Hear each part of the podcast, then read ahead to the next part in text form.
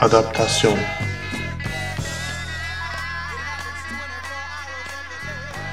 Merhabalar Onur. Mahir merhabalar. Nasılsın? İyiyim sağ ol sen nasılsın?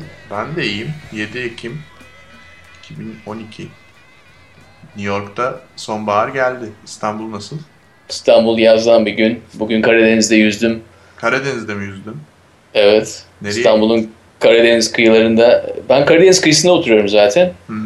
Ee, Süpliman bir deniz vardı. Rüzgarsız bir gün. Ee, tek bulut yok. Hala sonbaharın bluzunu yaşamıyoruz İstanbul'da. Ee, yazdan günler çalıyoruz ve hafta sonu da sokaklarda insan dolu tabii. Herkes işte belki de rahat rahat dışarıda takılabileceğimiz son hafta sonu diye bakıyor büyük ihtimalle. Cıvıl cıvıl bir İstanbul var. Sana selamlar, sevgiler buradan. Neşet New York'ta Ertaş sonbahar öldü. dedin. Neşet. Ertaş öldü diyorum. Evet, evet maalesef öyle bir şey oldu. Bence Evet, evet. son zamanların en önemli haberi yani. Tabii. Sever İyi miydin?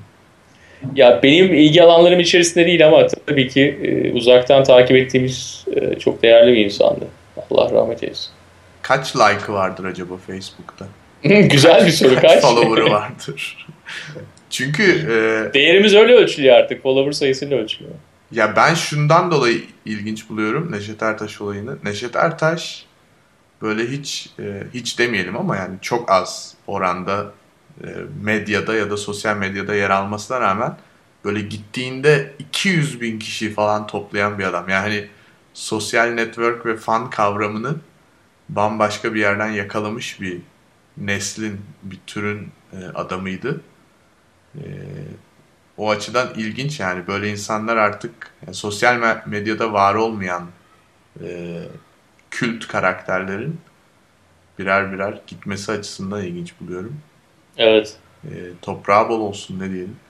E, şimdi bugün bir konuğumuz var Onur biliyorsun. Çok fazla uzatmayayım baştaki geyikleri. Konuğumuzu takdim edeyim. Konuğumuz Yaman Ural. Kendisi e, benim yine Bilgi Üniversitesi'nden tanıdığım, görsel iletişim tasarımından tanıdığım bir arkadaşımız. E, mezuniyetinden sonra yoğurt teknolojilerinde 4129 dijital ajansta Tribaldi zannediyorum Medina Turgul'da ve şu anda da en son Grey Ajans'ta dijital departmanın kreatif direktörü ve de sosyal medyalar sorumlusu. Ee, İstanbul piyasasında herhalde gezmedik çok bir yer kalmamış. Hoş geldin diyoruz Yaman. Merhabalar. Merhaba. Yaman hoş Herkese. geldin. Hoş bulduk. Şimdi bugün Yaman'ı niye programımıza konuk aldık Onur? İstersen sen bir kısa özet ver. Ne konuşmak istiyoruz? Yani böyle bir adamla ne konuşulur yani? Adam gitmiş her yerde çalışmış neredeyse İstanbul piyasasında. Ya tabii piyasanın zamanla değişimi sorulur. Çok doğru. Bizim zannediyorum galiba hani benim aklımdaki en önemli şeylerden biri kişisel merakımla da ilgili olarak e, neler oluyor? Yani Yaman hani böyle son 5-6 senedir bu sosyal medya işin işte içine girdikten sonra dijital reklam diye bir kavram ve bu tip departmanlar oluştuktan sonra e, Türkiye'de nasıl görüyorsun yani bu işin marketi ne kadar nasıl bir ölçekte? Kaç adam çalışıyordur sence? Ne kadar bir yatırımcı var?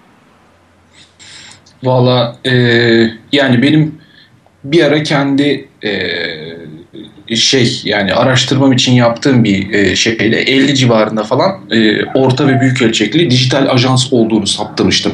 E, İstanbul piyasasında ya da Türkiye piyasasında diyeyim.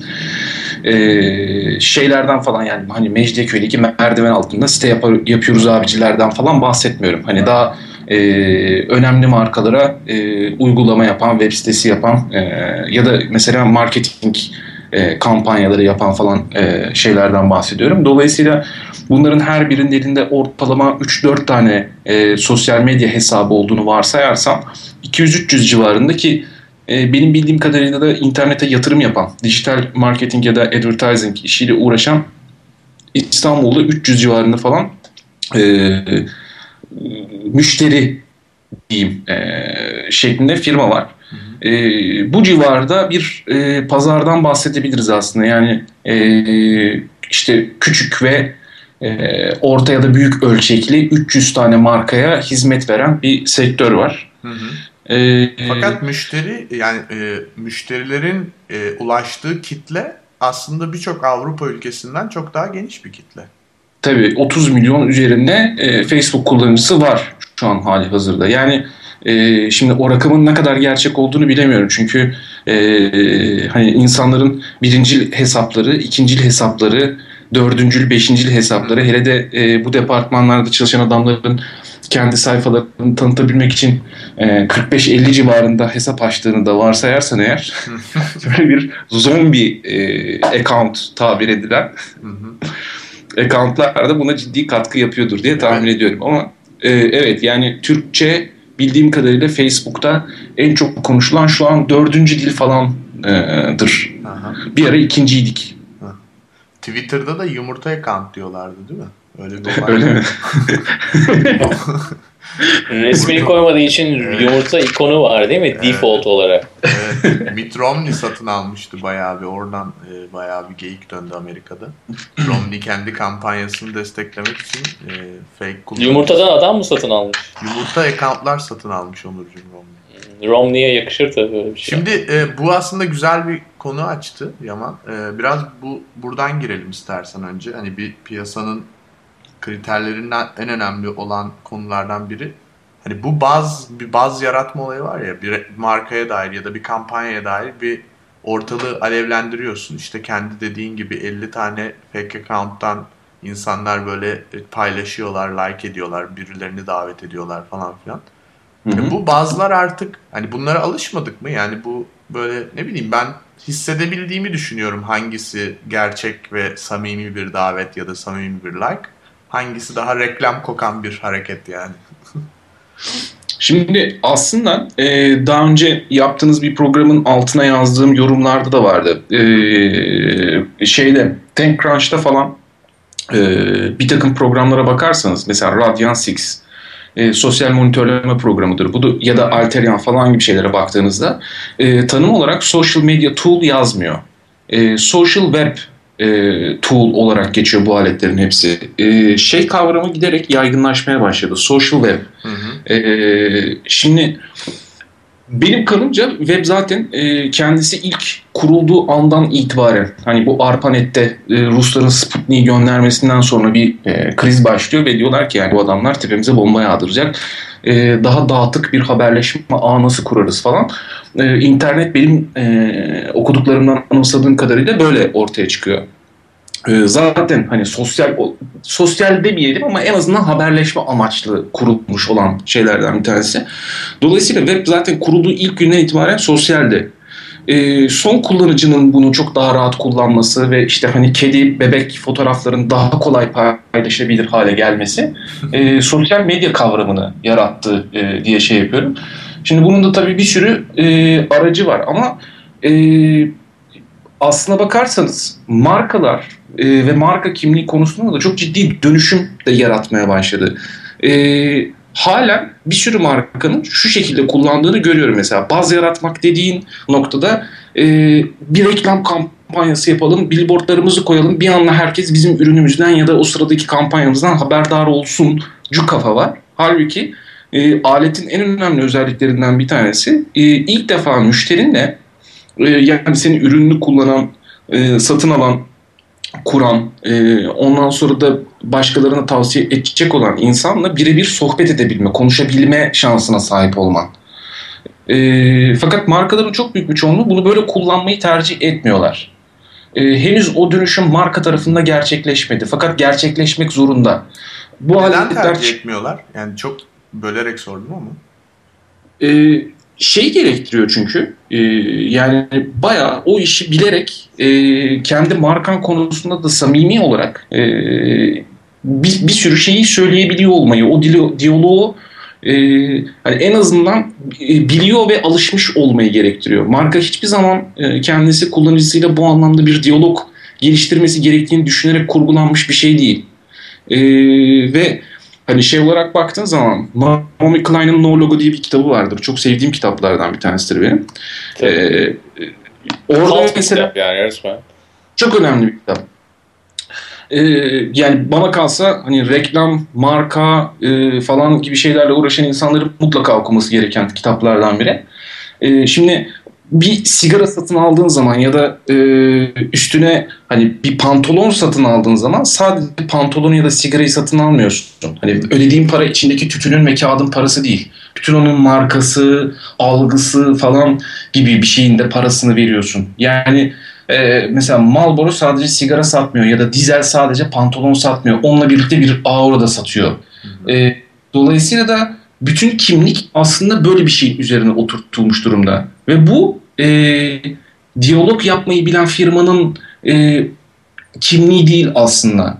Sosyal medya araçlarının gelişmesiyle birlikte markalar e, bütün o yapılarını değiştirmeye başladılar. Dolayısıyla e, daha küçük e, böyle e, niş marketlere oynayan şeyler aslında sosyal medya ile birlikte çok daha fazla yükselebilme şansına da sahip oldu. O zaman diyorsun ki bu sistem içerisinde mainstream firmalar diyaloğu sağlamak isterlerse eğer yüksek e, sayıda bir müşteriye sahip oldukları için bu iletişimi sağlamak için yeterli kanalları oluşturmayabilirler ama küçük firmalar, niş firmalar belki de bu kanalları çok daha rahat oluşturur diyorsun.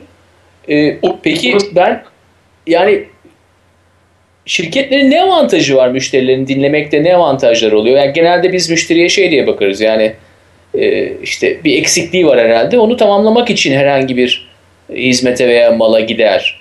E, burada müşteriyi dinlemenin nasıl bir avantajı olacak şirketlere? Niş veya mainstream şirketlere?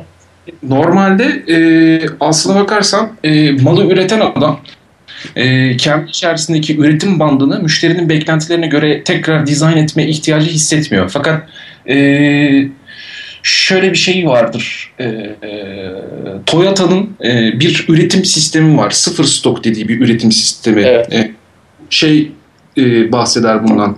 E, İmparatorluk diye bir kitapta Negri'nin anlattığı bir şeydi. Oradan hatırlıyorum. E, şimdi sıfır stok aslına bakarsan kullanıcının beklentilerini ve o sıradaki piyasa hacmini göz önünde bulundurarak bütün üretimi hesaplamayı e, gerektiriyor. E, böyle üretim sistemiyle Ford'u yendiler.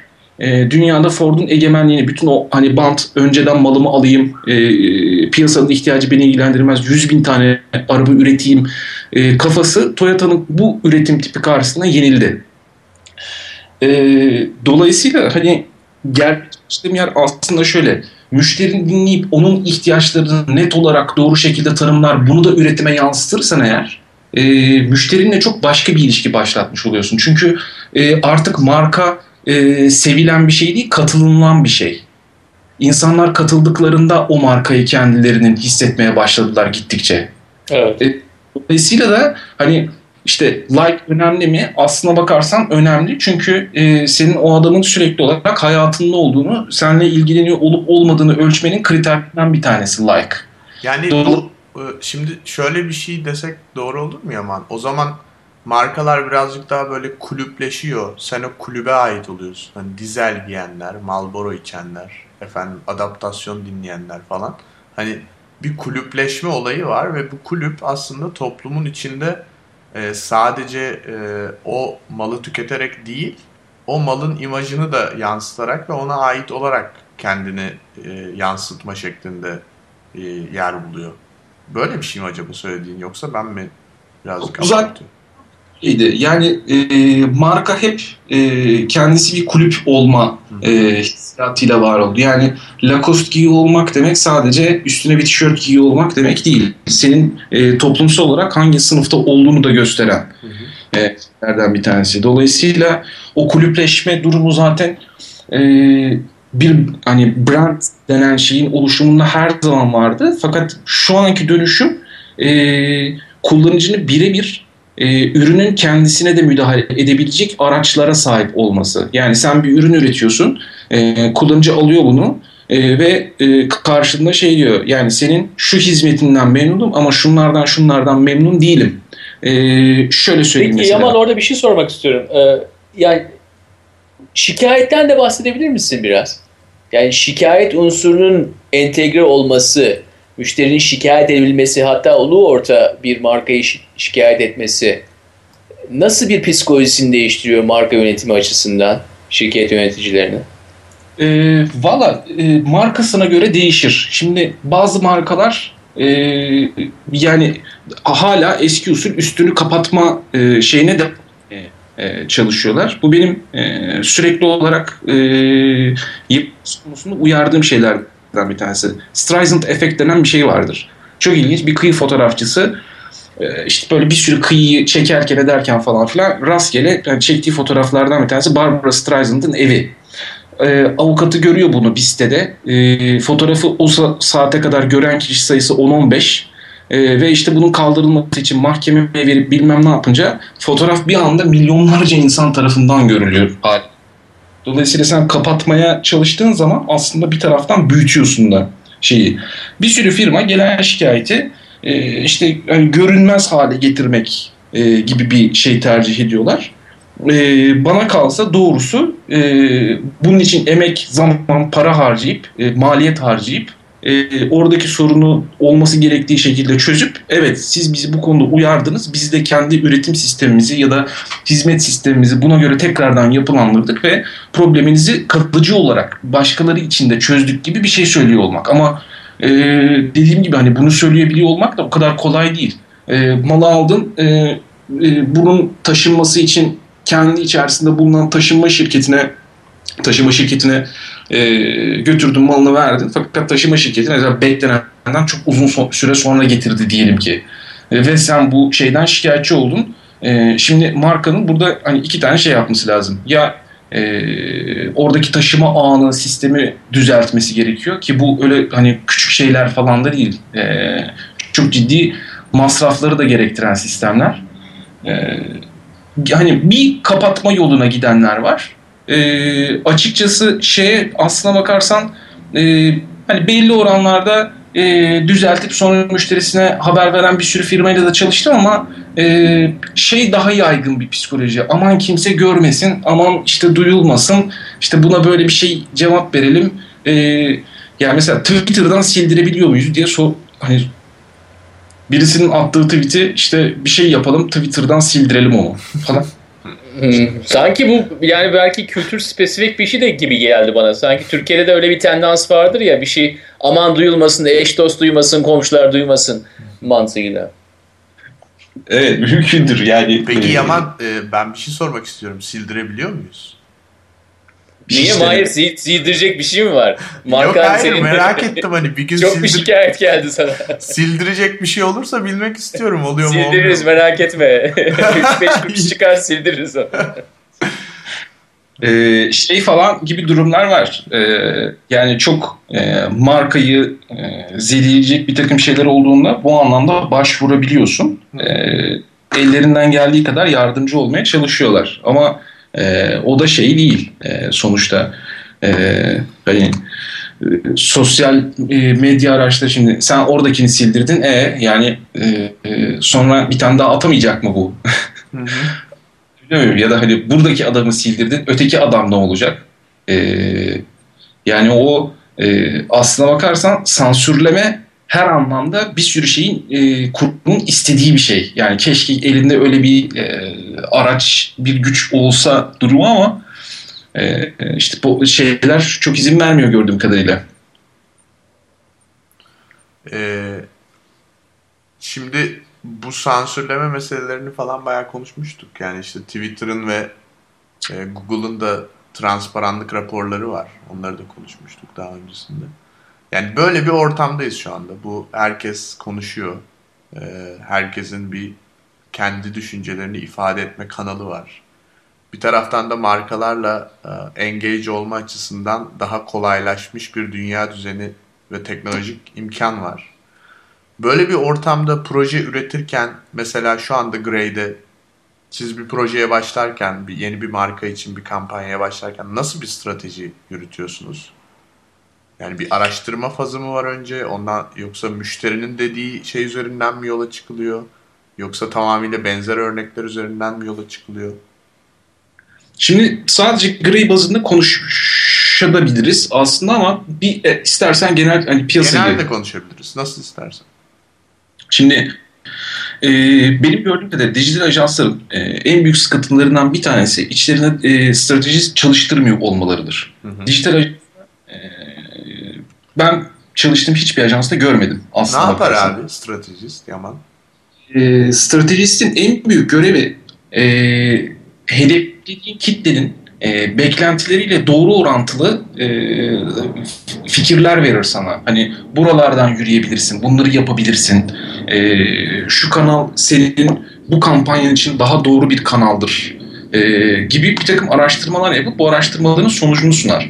Great bir strateji departmanı var. E, biz de zaman zaman onlarla çalışıyoruz. Medina Turgul'da çok iyi bir strateji departmanı vardı. Tribe e, onlarla çok e, yoğun olarak çalışıyor ama e, aslına bakarsan dijital stratejist değil. E, dijital stratejistten e, beklediğim şey de e, şöyle bir durum.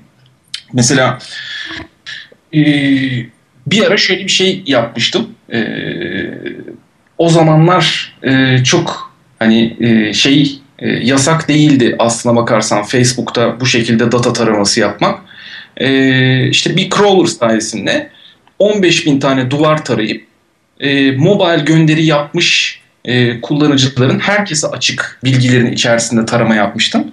E, bir defa mobile gönderi yapmış kullanıcıyı mobil kullanıyor olarak varsayıp e, Facebook'u mobil olarak kullanan kullanıcı yüzdesini çıkarmıştım. Dolayısıyla bu mesela bize e, bu işin e, işte iPhone application'ını yapalım mı yapmayalım mı konusunda çok ciddi bir e, bilgi verdi. Hı hı. E, bizden beklediğimizde aslına bakarsan sosyal medyanın içerisinde açıkta duran bilgilerden yola çıkarak bize bu şekilde e, bilgi verebilecek bir kişi olması. Tabii bunun araçlarını da çok efektif olarak kullanıyor olmak gerekiyor.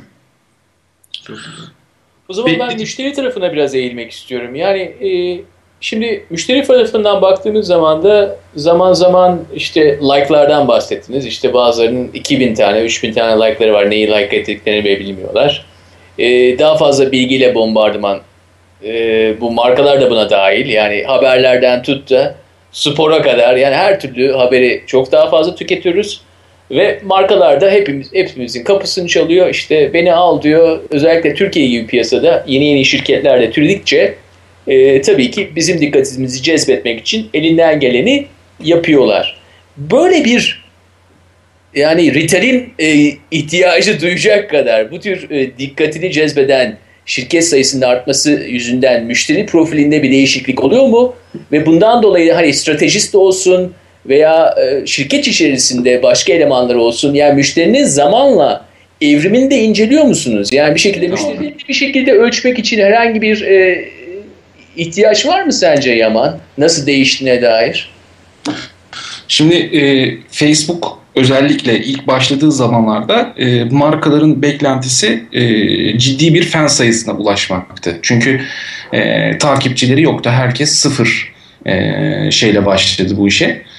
E, ve hani e, beklentiler de tabii zaman içinde dönüştü. İlk başta mailing gibi kullanıyorlardı Facebook'u. Hani mail göndermek yerine nasıl olsa artık hani daha ücretsiz e, sayısının belli olduğu bir hesabımız var. Dolayısıyla e, resmi ve bilgiyi buraya yapıştıralım. E, işte 30 bin, 40 bin, 100 bin, 1 milyon adam da görsün gibi. Fakat zaman içerisinde Facebook'un arka tarafında çok ciddi bir takım değişiklikler oldu. E, EdgeRank diye bir algoritma e, devreye soktular. E, EdgeRank algoritması şunu sağlıyor. Senin çok fazla etkileşime geçmediğin e, sayfaların ya da kişilerin senin feedinde görünmesini engelliyor. Ee, benim hani 400 civarında falan arkadaşım var diye anımsıyorum. Sizin de hani benzerdir rakamlar diye tahmin ediyorum. Daha fazladır, daha azdır. Fakat e, bu, bu arkadaşlarınızın aslına bakarsanız büyük kısmını görmüyorsunuz. E, abonesi olduğunuz markaların da e, çok büyük bir kısmını görmüyorsunuz. Onların attıkları e, postları, içerikleri falan görmüyorsunuz. EdgeRank bunu sağlıyor. Dolayısıyla e, etkileşim dediğimiz yani engagement rate denen şey e, marka için çok ciddi anlamda önemli hale gelmeye başladı. Çünkü artık görünürlük e, 1 milyon kişiye sahip olmak değil, o 1 milyon kişiden kaç tanesinin feedinde var olduğunu ortaya çıkması. Dolayısıyla e, bir sayfayı yönetirken PTAT denen bir rakam vardır. E, people talking about this rakamı. E, artık fan sayısına bakmıyoruz mesela. PTAT'ye bakıyoruz. Markalar da bu anlamda kendilerini dönüştürdüler. Ben e, Boşa mı konuşuyorum acaba? Yok yok gayet iyi anlıyorum. Hayır gayet iyi dinliyoruz. Yok ses gelmeyince yine bir kopukluk mu diye bir an tereddüt ettim. Peki e, yani müşterinin kendisine baktığın zaman ne görüyorsun? Yani neden bu tür algoritmaların ihtiyacı duyuluyor? Yani bu biraz da e, tüketici biraz zorlanıyor onları rahatlatmak için mi yapılıyor sence? E, kesinlikle tüketici zorları. Tam senin söylediğin gibi yani e, Facebook'ta her markanın ve her arkadaşının attığı her şeyi takip edebilmek için ciddi olarak e, bir Ritalin havuzunun içerisinde yatıyor olman lazım. Hani bırak içmeyi. E, dolayısıyla hani sen ne kadar etkileşime geçiyorsan Facebook'ta senin hayatını kolaylaştırabilmek için e, böyle düzeltmeler yapıyor. E, bunun e, şeylerinden bir tanesi hani e, aslına bakarsan şimdi e, hani memetic engineering diye bir kavram var. E, bu e, şeyin Richard Dawkins'in meme kavramı ortaya attığı şeylerden bir tanesi. E, Facebook'un en büyük yatırımcılarından bir tanesi. Peter Thiel'in de uğraştığı işlerden biri diye biliyorum. E, yapmaya çalıştıkları şey aslında bakarsanız e, insanları meşgul edecek polemikler üretebilen bir akıllı makina e, yaratmaktı. Facebook da bunun şu anki e, zeminini sağlıyor. Dolayısıyla e, bu algoritmayı kullanarak e, senin ne görmen gerektiğini de belirleyebilir hale geliyorlar gibi bir durum var. Yani kitleleri idare etmek için çok iyi bir yöntem gibi gözüküyor. Yani politikada tabii. da oldukça kullanılan bir şey değil mi? Peki Ee, Yaman, e, ya bunlar mesela çok güzel ama ben birazcık mesela şey konuşmak istiyorum. Hep mesela Facebook, e, Silikon Vadisi hani tamam Harvard'da başlamış, Silikon Vadisi'ne gitmiş. Facebook'un e, yatırımcıları Memetics Engineering uzmanı ya da EdgeRank algoritması geliştiriyor.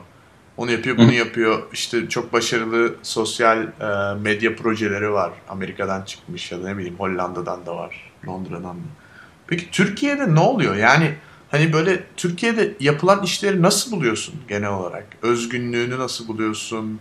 Kalitesini nasıl buluyorsun? Müşteriyle ya da işte ne bileyim sosyal ortam projesi ise eğer e, insanlarla olan e, engagement'ını, ilişkisini nasıl buluyorsun? Genel olarak piyasanın kalitesi ne düzeyde sence şu an? Valla ben ım, eskiden de beğenmezdim. Hala da beğenmemeye devam ediyorum. Neden? Ee, Şimdi e, özgünlük bazında baktığın zaman e, Türkiye'de çok fazla özgün iş üretilmiyor. E, çakma dediğimiz bir kavram vardır. Bu çok yaygın şeylerden bir tanesi. İşte oturursun e, kristal jürisinde e, bütün dijital ajanslar birbirlerine girerler. Vay sen buradan aldın, sen buradan yaptın. Hı hı, Bu zaten iki sene önce Kanda ödül almış işte. hı hı. E, onun işini yaptınız falan gibi bir durum vardır. E, bu benim görüşümle üç bacaklı bir e, şey e, sorun. E, bu yani ajansların e, da burada payı var. Müşterinin de payı var. Çalışanların da payı var. Şimdi çalışanlar bazında baktığınız zaman dijital sektördeki metin yazarlarının çok büyük bir çoğunluğu aslında yaptıkları işin teknoloji konusunda çok bilgili, çok donanımlı insanlar değillerdir. Farklı bölümlerden gelirler. Sosyolojiden gelir, psikolojiden gelir, e, ekonomiden gelir, e, benim gibi tasarımdan gelir, e, farklı farklı alanlardan gelen insanlar vardır. E, şimdi bizimki aslında şey gibi değil. E, reklam filmi çekeceksen onun teknolojisine çok hakim olmana gerek yok. Çünkü hani biliyorsun kamera var, ışık var. Senin oturup bir senaryo yazman kafi. Halbuki e, dijital bir proje gerçekleştiriyorsan kullanıcı deneyimi var, e, arkasındaki kod altyapısı var, e, girecek insan sayısına göre e, toparlaman gereken server falan gibi bir, bir sürü e, parçası olan, bir sürü bileşeni olan bilmen gereken bir sürü yapısı var. Facebook'ta yaptığın bir uygulamada Facebook'un e, kendine ait bir takım özelliklerini biliyor olmak e, gerekiyor. Facebook'un API'sini en azından bir açıp okuyor, o konuda fikir sahibi olmak gerekiyor. Dolayısıyla hani böyle metin yazarı bulmak neredeyse imkansız. Hı hı. Bu çalışan tarafı. Ajans tarafına baktığın zaman e, sen hani bu anlamda bir proje götürdüğünde e, tabii böyle şeylerin yapılabiliyor olması çok kolay değil ve maliyetli. E, bildiğim kadarıyla hani bunu şey için söylemiyorum. E, hani kendimi öveyim diye söylemiyorum ama e, Türkiye'de yapılmış marketing bazda en büyük 3 internet projesinin içerisinde yer aldım. E, metin yazarı ve oyun tasarımcısı olarak. Nedir o bu projeler? E, Yaman Gezgin kayboldu bir tanesi. e, 20 parçalı bir internet puzzle'ıydı. E, ritmi koru Miller için yapılmış e, yaklaşık 60 parçalı bir internet puzzle'ıydı. Yani parçalar şöyle hani bir e, Tumblr bloğu var, e, MSN'de yazışman gereken bir bot var, e, işte teletext'e girip e, ayarlayıp okuman gereken bir kanal var. O kanaldaki yazıyı alıyorsun, bir siteye gidiyorsun. Orada bir şifre çözme aleti var. Onun içinde şifreyi çözüyorsun falan gibi. Hı hı. E, bayağı karışık büyük bir projeydi. E, Alternate Reality Gaming e, diye geçen e, yapılardır bunlar. E, şey olarak da e, yani MIT'de bunun e, dersi Transmedia Storytelling olarak geçiyor. Bütün o dersi o sü- süreç boyunca takip etmiştim. Ee, sonra Microsoft için yapılan Deney 7 diye bir proje var. O da çok büyük çaplı bir projeydi. 77 parçalı bir e, puzzle'dı. İnternet üzerinden e, bir hafta boyunca canlı iki tane çocuk farklı deneylerde birbirleriyle yarıştılar ve e, kullanıcılar da sürekli olarak onlara yardım etmek için bütün bu kampanyaya katılmak durumundalardı. Şimdi bu kadar büyük çaplı bir projeyi zaten hani ajansta ya böyle bir şey yapalım dediğinde e, ajansın kendi içinde çok iyi organize olması gerekiyor. Orası gayet sorunlu. İkincisi bunlar çok karlı projeler olmayabiliyor. E, yani ben o şirketin yöneticisi falan değildim ama hani yapılan iş etraftaki e, çalışma ve hani kulağıma gelen bütçe ile kıyasladığım zaman aslında e, özellikle ilk iki projede hiç kar etmediğimizi hatta zarar ettiğimizi falan e, biliyordum. E, ajans tarafında böyle bir durum var. Müşteri noktasına baktığında da e, oranın iki tane çok önemli kriteri var. Birincisi e, müşterilerin büyük kısmı anlayabildikleri projeyi kabul ediyorlar. Hı hı.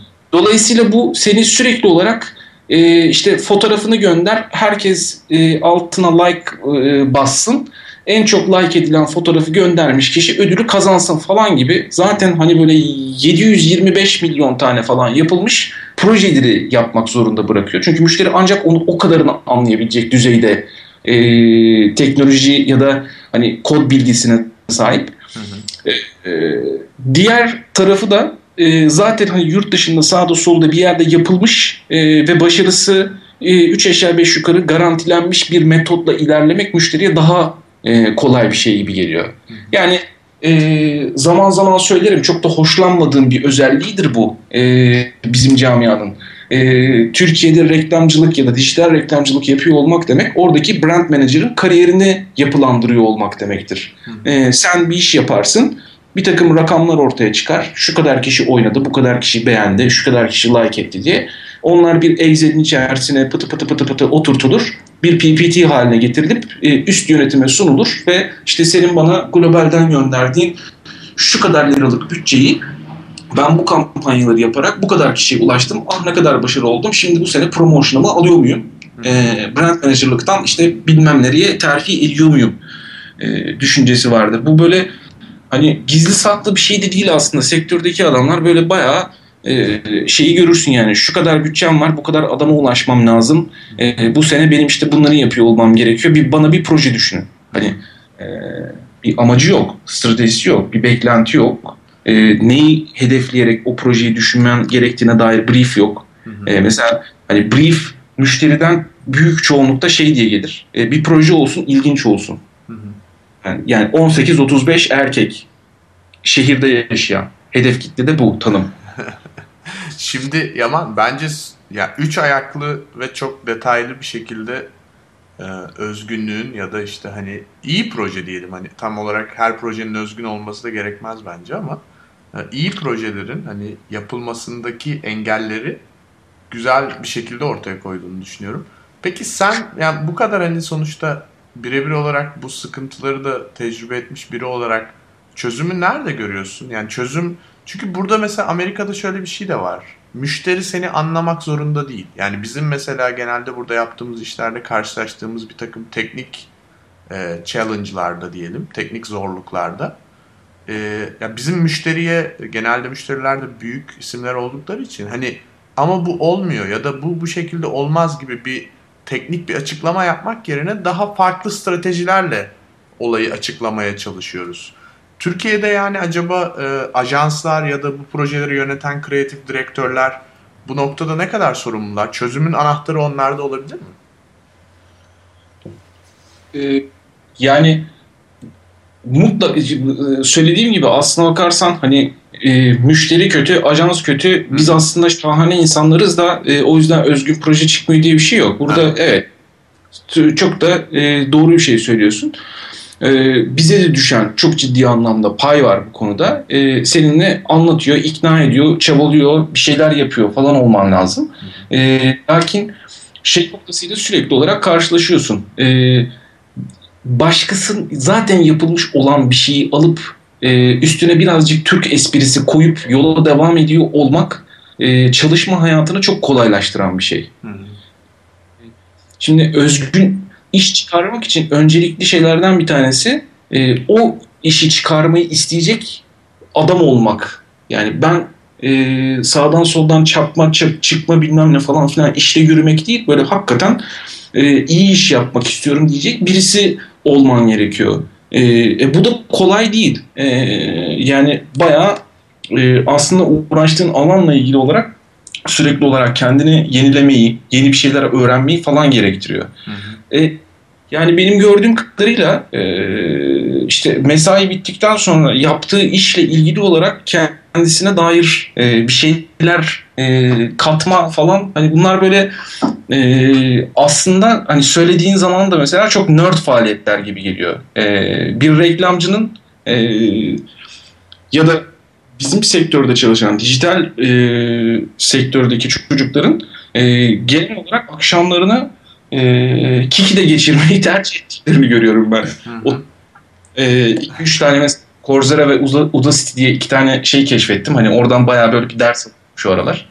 Ee, hani buralarda işte çürütmek yerine e, başka yerlerde piyasa yapmak mesela daha tercih edilebilir bir şey. Dolayısıyla da bu hani ne kadar çok bilir de hakim olursan özgün bir iş çıkartabilme şansın o kadar fazlalaşır. Ama hani onun içinde şey o istekte o e, arzuda da olmak gerekiyor. Ben genel olarak piyasada e, genel olarak diyorum e, tekil olarak gayet e, iyi iş çıkarmak isteyen insanlar olduğunu biliyorum. E, fakat hani genelde şey görmüyorum. Öyle bir özgün iş yapayım isteği görmüyorum insanlarda. Yani sonuçta e, herkesin birden yani belki en başta hani bu projeleri yöneten insanların ya da initiate edenlerin, başlatanların e, ama e, takım içinde olanların, e, ajans sahiplerinin ve müşterilerin gerçekten özgün bir iş yapmaya niyet etmesi gerekiyor. Anladığım kadarıyla çözüm sadece bu yani. Şimdi çok haklısın. Fakat biz bir taraftan e, şöyle de bir e, şeye sahibiz. Şimdi e, bir tane marka. Hı. Nike, Olmeca, ne bileyim Lucky Strike, BlackBerry, iPhone, e, Tuborg. Bu markayı senin Türkiye'de yapılandırmana gerek yok. Bu marka zaten e, uluslararası düzeyde bayağı da böyle bu işe kıymet ve önem veren insanlar tarafından zaten yapılandırılıyor. Dolayısıyla sana birçok anlamda hazır bir paket geliyor. Dolayısıyla rekabet etmek gibi bir durumda kalmıyorsun. Sen zaten e, hali hazırda yapılandırılmış bir şeyin içerisinde hareket ediyorsun. Şimdi e, var olmak zorunda kaldığın zaman e, gelişim başlıyor. Benim gördüğüm en önemli şeylerden bir tanesi bu. Hani e, bu camia çok daha genişler. Dijital dünya e, İstanbul'da çok önemli bir pazar haline gelmeye başlarsa ve iyi olmak e, gerçekten çok önemli bir e, kriter haline gelmeye başlarsa e, özgün iş sayısı da ciddi anlamda artacaktır. Hı hı. E, fakat hani e, Nike buraya geldiği zaman zaten e, sen hiçbir şey yapmasan bile e, çok ciddi olarak takip edene hayranı yıllardır e, o ürünleri kullanan insanları devralarak işe başlamış oluyorsun. E, ne zaman ki hani e, bir Türk markası dünya devleriyle kapışma e, noktasında içeride bir e, yapılanmaya gitmek durumunda kalır. E, orada mesela başka bir varoluş mücadelesi başlar. O varoluş mücadelesi de e, özgün işi beraberinde getirir diye tahmin ediyorum. Bu hani çok sektördeki çocuklara da o anlamda yüklenmemek gerekiyor. Bizim e, bulunduğumuz konumla da alakalı birazcık. Onur? Yabancı markalardan bahsettiğin zaman e, zamanla e, kariyerin boyunca Türk markalarıyla yabancı markalar arasında rekabette herhangi bir değişiklik gördün mü? Yani Türk markaları da artık yabancılarla rahat rahat rekabet etmeye başladı mı sence? Ve e, bunu tekrar yine tüketici odaklı sormak istiyorum. E, sence yani yabancı markalara karşı olan hani ne yapılırsa yapılsın ama aman yabancı olsun. Türk malı kötüdür. İşte efendim e, yabancı menşeli bir olan markaya olan bu tutkunun hala devam ettiğini görüyor musun? Tabii. Yani e, şimdi dünya çapında bir marka olabilmek için bir kere e, belli kalite kriterlerini de oturtmuş olmak gerekiyor. E, halbuki yerel pazarda e, sadece burada kalmayı hedefliyorsan eğer e, o kadar fazla e, kalite kriterinin içerisinde e, hareket etmek zorunda değilsin. Dolayısıyla bir kalite düşüklüğü zaten söz konusu. E, bir taraftan e, yerel pazarın ya da yerel e, yapıların getirdiği bir takım şeylerden de faydalanıyor. Yani bunu e, bahis sektörü üzerinden mesela en rahat şekilde tanımlayabilirim diye e, düşünüyorum. E, benim gördüğüm kadarıyla hani burada ya, ya, yanlış olabilir. E, kötülemek için söylemediğimi de böyle bir aç parantez hemen e, ekleyeyim. E, mesela iddia oranları yurt dışındaki bahis oran sitelerinin oranlarından her zaman çok daha düşüktür. e, yaklaşık işte böyle bir hani yüzde 40 yüzde yüzde 40 falan civarında daha az kazanırsın e, iddiadan. Ve işte hani eskiden mesela 4 maç oynama zorunluluğu falan filan gibi şeylerle birlikte kazanma yani yüzde 90 bilsen her maçın şeyini e, olasılık hesabı olarak baktığında bu böyle %60'lara falan inen bir şey. E, dolayısıyla mesela bir kanun çıkartıyor devlet. Bu kullanılacak diyor. Sen başka bir şey kullanamadığın için o, o taraftaki rekabeti total olarak senin için önlemiş oluyor zaten. Dolayısıyla e, evet yani bunu kısmi olarak da mesela vergi kaçağından bahsediyor. Yani özellikle diyorlar ki işte e, dünyamız daha işte e, e sınırlar daha açık oldu. Bunun sayesinde e, tüketicinin bazı şansları var başka yerlere gidiyor ama bu vergi kaçağı neden oluyor deyip sonra tekelleşiyorlar. İşte bahis olarak yalnızca iddia gidebilirsin. Bütün bahis şirketlerine girdiği zaman dünya üzerinde sana işte şu şu mahkeme tarafından bunun erişimi engellenmiştir diye yazıyor. Yani o zaman Suç. biraz yani böyle devlet eliyle bir e, tekelleştirme mi görüyorsun? Yani bir şekilde e, yabancıyla yerel arasında yerel yabancı ile rekabet edemiyor. Ondan dolayı da tekelleşiyor gibi mi? E, yani iddia sektörü bazında baktığın zaman bahis sektöründe e, dünyadaki başka bahis e, sitelerinde de oynayabilme şansımız olsa açık olsa suç olmasa hiç kimse e, Türkiye'deki şirketlerden bahis mahis falan oynamaz. Aptal olmak lazım. Devletin bu anlamda getirdiği bir takım şeyler var ama onun dışında e, yerelde kalacaksan eğer uluslararası piyasa gibi bir takım dertlerin yoksa e, dolayısıyla malının e, birkaç kalite düşük olması senin için çok önemli olmayabiliyor. Genel olarak Türkiye'de böyle de bir şey var. Hani benim gördüğüm kadarıyla e, yani hani Ülker mesela e, global piyasada iş yapayım derdindeymiş gibi gözükmedi bana hiçbir zaman. Ee, Halbuki global piyasada çok başarılı olduğu söyleniyor değil mi? Rakamlarda bunu göstermiyor mu zaman zaman? İşte hani Godieva'yı satın alması, işte şöyle yapması.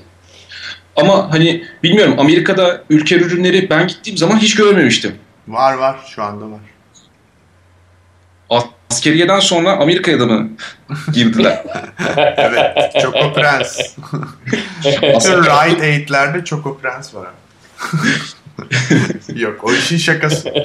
Ee, ama e, sanırım buradaki hani e, dediğin yabancı markanın aslında tercih edilmesinin sebebi e, kesinlikle bir yani ben bu özgünlük ya da hani bu value yani bir değeri var ya o değer aslında rekabetle ortaya çıkmış bir değer oluyor ve rekabet e, Türkiye gibi ülkelerde kontrol altına alındığında ya da dışarıya kapılar kapatıldığında otomatik olarak düşüyor ve bu da aslında uzun vadede yapılan işlerin ve markanın kalitesini de düşüren bir şey. Çünkü rekabet etmediği için tekel olmuş bir sistemin içinde başa yarıştığı için e, çok da bir şey yapmasına gerek kalmıyor gibi bir Evet ya e, mesela kumar ve porno yasaktır ya Türkiye'de şu anda. Öyle mi? E, Tabii porno da yasak ama onu da belki devlet eliyle yapmaları gerekiyor. Yani tekerleşip belki bir tane porno sitesi yapsalar.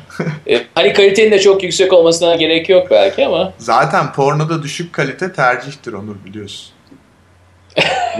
ben bu anlamda Şahin Kağan'ın büyük destekçisiyim yani. Cinsellikten sorumlu devlet bakanı olmaya bence gayet Evet. seçmeni çok. Seçmeni çok olabilir. Spor da olabilir. Yani mesela denizden çıkışı, o hareketleri falan yani kumsala gidişi bence güzel bir spor e, faaliyetine de benziyor.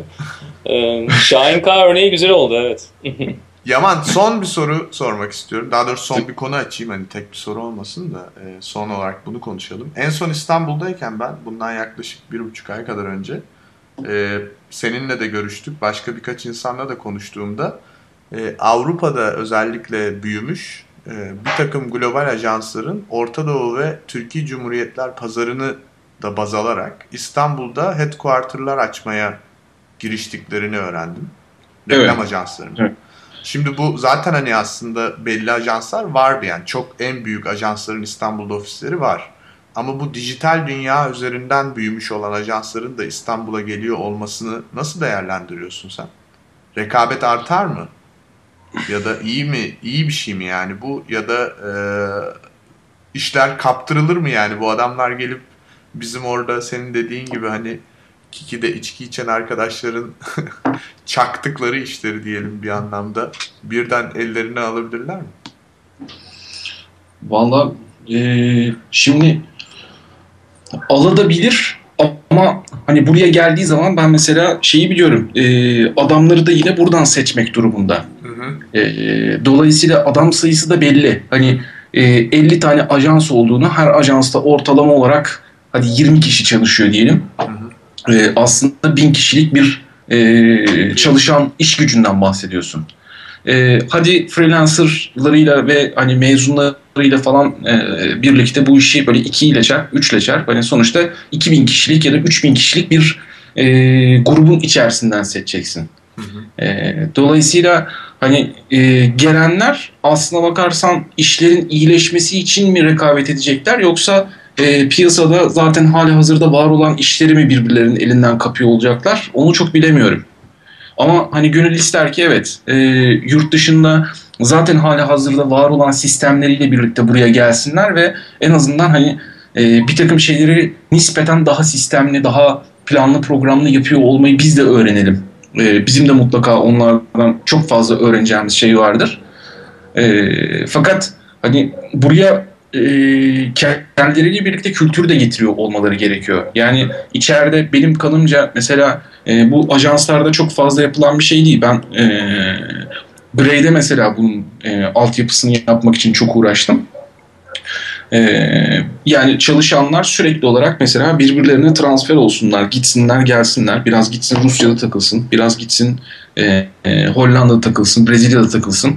E, yani nasıl olsa aynı şirketin çalışanı farklı yerlerde çalışıp oradaki bilgi birikimlerini alsın e, falan diye. E, hani böyle bir böyle bir sistem olursa e, bana kalsa e, her şey bir anda çok başka noktalara gidebilir ama benim gördüğüm kadarıyla hani gelenler de buradaki iş gücüyle sınırlı aynı adamlarla sınırlı kalacaksa çok bir değişiklik olacağını zannetmiyorum. Hı hı. Malzeme önemli yani. E, yani işte Mimarın hani... kim olduğu değil, inşaata ne tür kum koyduğun önemli diyorsun. Bana biraz öyle geliyor. Hani sevindirici haberler tabii yani çok iyi e, ajansların falan e, burada bir takım şeyler yapıyor olması. E, fakat hani e, bu e, Stratfor e, kimin de anımsayamadım. E, yakın zamanda bu şirketin e, yöneticisinin hı hı. Wikileaks'in yayınladığı belgelerden mi bahsediyorsun? Yes, aynen Hı-hı. o adamdan bahsediyorum. Ee, Merkezi Texas'ta olan, Austin'da olan bir şirket, evet. Evet, e, Private Intelligence hani, e, diye geçiyor değil mi? Hı-hı. Öyle evet. bir e, başında e, Science Politik mezunu böyle bir e, enteresan bir profesör var. O adamın kitabı e, çıktı yakın zamanda. E, 2050'ye kadar e, ileriki 100 yılda e, bütün dünyada olacak değişim falan gibi. Şimdi bize biçilen rol biraz böyle bir Orta Doğu camiasının abisi falan gibi bir rol ya. Hı hı. E, azıcık İslamlaşın. E, bu adamlarla daha e, iyi diyalog kurabilecek hale gelin. Onlar da biraz demokratik demokratikleşsinler. Hani böyle bir e, ılımlı İslam çerçevesinde e, aslında hani e, fıstık gibi bir Osmanlı vardı. Niye e, bu herifleri parçaladık ki? Şimdi 70 tane adamla diyalog kurmak zorunda kalıyoruz. Halbuki bir tane yapı olsa bununla diyalog kursak, o oranın abisi olsa oraları bir adam etse falan gibi bir takım şeyler var. Dolayısıyla bu Türkiye'yi de o anlamda cazip bir yer haline getirmeye başlıyor. Hani buradan sonra benim kanım ekonomik olarak Türkiye'nin e, ciddi anlamda büyüyeceği yönünde. E, bu e, birçok firmanın ki reklamcı biz reklam kanalında olduğumuz için e, o firmaların buraya yavaş yavaş akın etmeye başladığını görüyoruz ama başka anlamlarda da çok ciddi yabancı yatırımları var Türkiye içerisinde. Ee, tabii bu büyüme gerçekleşecekse tabii yani özgün işten bahsettik programın başından beri. Eğer e, ideolojiler olsun, e, piyasalar olsun, dinler olsun hep böyle tekel altında olacaksa bu e, bu büyüme de çok yani Amerikan planlı bir büyüme bilmiyorum ne kadar devam edebilir. Yani özgün proje ortaya çıkacak çıkacaksa eğer herhalde e, her anlamda rekabetin, her anlamda yarışmanın olması gerekiyor ama biz sanki bazı alanlarda hiçbir yarışma olmasın, bir tek teknik olsun. Bazı alanlarda da efendim işte bizim biz tam rekabetteyiz. İşte şirketler çok iyi birbiriyle rekabet ediyor diye bu lanse ediliyor. Halbuki ideolojilerde de e, düşünüş sistemlerinde de rekabetin söz konusu olması lazım. Hı hı. Halbuki yok. Onun için bu Amerikan e, orijinli bu planlara da fazla benim şahsen görüşüm fazla e, bunlara prim de vermemek gerekiyor. Değil mi? Yani e, bilmiyorum Amerika'dan yeni dönmüş bir insan olarak genelde e, Amerika'nın rolünün böyle e, bizi bize rol biçmesini e, ve buna dair dünyanın şekillenmesini her zaman çok e, ciddiye alınmaması gerektiğini düşünüyorum. Çünkü Amerika'nın e, işleyişinde de sistemin ne kadar kırık olduğu, sistemin zaman zaman da o kadar açık noktaları olduğunu görüyoruz ki yani tepeden inme de herhangi bir e, o empozisyonun çok da başarılı olacağını düşünmüyorum ama bunu aynı zamanda biraz önce Yaman'ın dediği bütün noktaları yine de kabul ettiğim halde söylüyorum. Bu rol biçilme konusunda da yani ona karşı çıkmayacağım tabii. Ama bilelim ki e, onlar geleceği öyle görüyor olabilir ama geleceği yaratacak olan bizleriz yani sonuçta. Sizlersiniz, sizin gibi kreatif insanlar. Onun için biraz hani olumlu bir yerde bitirmek istedim arkadaşlar ya. Yani olumlu olalım. e, ben tabii şey diye görmediğim için hani bana kalsa devlet kavramı e, bayağı bir zaman önce bitmiş durumda. Aa, yani, teşekkürler. Evet ben de aynı aynı gemidenim. Seninle aynı gemide. Evet yani devlet diye bir şey yok. Şirketler ve kar e, diye bir şey var. E, dolayısıyla ülkelerin nereye doğru hareket etmesi gerektiğini belirleyen şey aslında devletlerin kendi verdikleri karar değil, e, kapitalizmin o sırada e, global olarak içinde bulunduğu durum e, belirliyor gibi geliyor bana. Yani ben mesela e, İtalya'nın şu anki e, başbakanını aslında Avrupa topluluğu tarafından gönderilmiş bir e, vali olarak e, korum e, tanımlamayı tercih ediyorum. E, hani bize de gelmişti bir aralar. E, adını anımsayamadım şimdi ama Kemal Derviş. Kemal hani git şu çocukların ekonomisini bir derle topla oraları bir düzelt de böyle arada e, şeyler e, teknokrat gönderiyor. Bir gitsin oraları toplasın falan diye. Fena da iş yapmadı ama kerata. E, yani zaten fena iş yapmasın diye gönderen adamlar bunlar. e, dolayısıyla hani Şimdi dünyanın geldiği sistem aslında bizi bir taraftan buralara doğru da itiyor. Biz çok istediğimiz için e, ben açıkçası hiçbir zaman e, içinde yaşadığım ülkenin bir süper güç falan olmasını istemem. E, yani küçük çaplı e, ama kendine yetebilen bir ülkede yaşıyor olmayı e, daha çok tercih ederim. E, süper güç beraberinde süper sorunlarla da geliyor biliyorsunuz. E, çok başka e, şeyler de oluyor. Başka saldırıların falan hedefi de olmaya başlıyor biliyorsun. E, dolayısıyla hani kendine yetebilen e, hani gayri safi milli hasıla dediğimiz ya da hani şöyle söyleyeyim e, illa bunu ekonomik olarak değil mesela kişi başına düşen gelir ama kişi başına düşen kitap, kişi başına düşen sağlık, kişi başına düşen eğitimin de e, iyi olduğu bir ülke ama küçük bir ülke ve süper güç olmayan bir ülkede yaşamak e, daha keyifli bir yer olurmuş gibi geliyor bana. e, özgün işten çıktık çok başka bir yere doğru gitmeye başladı konu. E, hani özgün Türk... ülkeye gittik. özgün ülkedeki özgün insanlara gittik. Demek ki biz gitmek istediğimiz yeri biliyoruz da ulaşmamız kolay olmayacak arkadaşlar. Ya bunların ee, sonuçta e, ya özgün iş gibi bir konuyu seçip bunu konuşuyor olmamızın sebebinde aslında tabii ki yani genel olarak toplumda da bir özgünlük, toplumda da bir özgün düşünce üretimi, e, rekabetin oluşması düşünce alanında da sadece Al. iş hayatında değil. E, bunları ee, bunları aslında hani e, birazcık da açık etmek istediğimiz için e, piyasa üzerinden konuşuyoruz. O yüzden ben çok uzak bir yere gittiğimizi düşünmüyorum.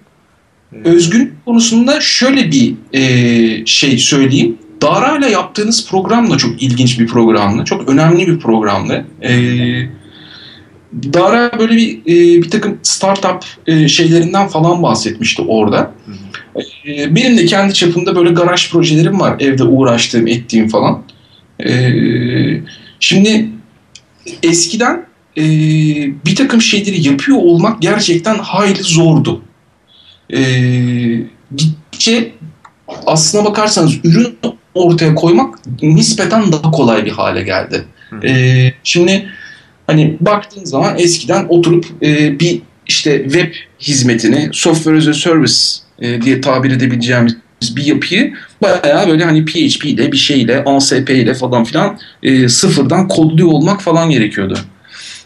E, şimdi özellikle bu açık kaynak e, sistemlerinin yaygınlaşması ile birlikte bir sürü şey çok açık e, çok rahat faydalanılabilir şekilde ortalıkta gezinmeye başlıyor. Dolayısıyla eğer bunları parça parça toplayıp nasıl birleştireceğini biliyorsan aslında e, çok özgün, çok kendine ait ürünler ortaya koyabiliyorsun ve e, bunun da çok ciddi bir e, ekonomik yapı olduğu özellikle Instagram hani Facebook falan gibi şeylerle e, gayet gözümüzün önünde ispatlanmış şekilde duruyor. Hı hı. E, dolayısıyla e, Türkiye'nin bu anlamda mesela e, benim gibi yaratıcı ve hani bir takım bir şeyleri yapabilme becerisine sahip adamların nispeten biraz buraya doğru kayacağını düşünüyorum. Aslında hani özgünlük belki yapılan reklam kampanyasının özgünlüğü falan gibi bir yere değil. Aslında e, kendi içinde bulunduğun topluma da hizmet edecek, bir takım insanlara fayda sağlayabilecek e, özgün yazılımlar ya da e, servislere doğru kayabilir. E, bunun olması çok muhtemel. E, çünkü artık araçlar e, çok kolaylaştı e, ve yani öğrenme artık e, özellikle internet sayesinde çok hızlandı. E, yani böyle kendi çapımda bir işte arama motoru e, projesine kalkıştım. E, ilginç bir şekilde de e, ihtiyacım olan bütün bilgiyi böyle baya hani Stanford'daki e, bu konu hakkındaki en üst düzey hocalardan bir tanesinin dersini takip edebilme şansına falan sahip olmaya başladım. Dolayısıyla hani o anlamda da çok ciddi bir dönüşüm var. O büyük olasılıkla e, buradan da yola çıkarak bir şeylerin üretilmesine e, neden olacaktır diye tahmin ediyorum. Peki yani o zaman şöyle e, programın da sonuna geldik sanırım. Şöyle bir özet yapsak e, nasıl olur diye düşünüyorum.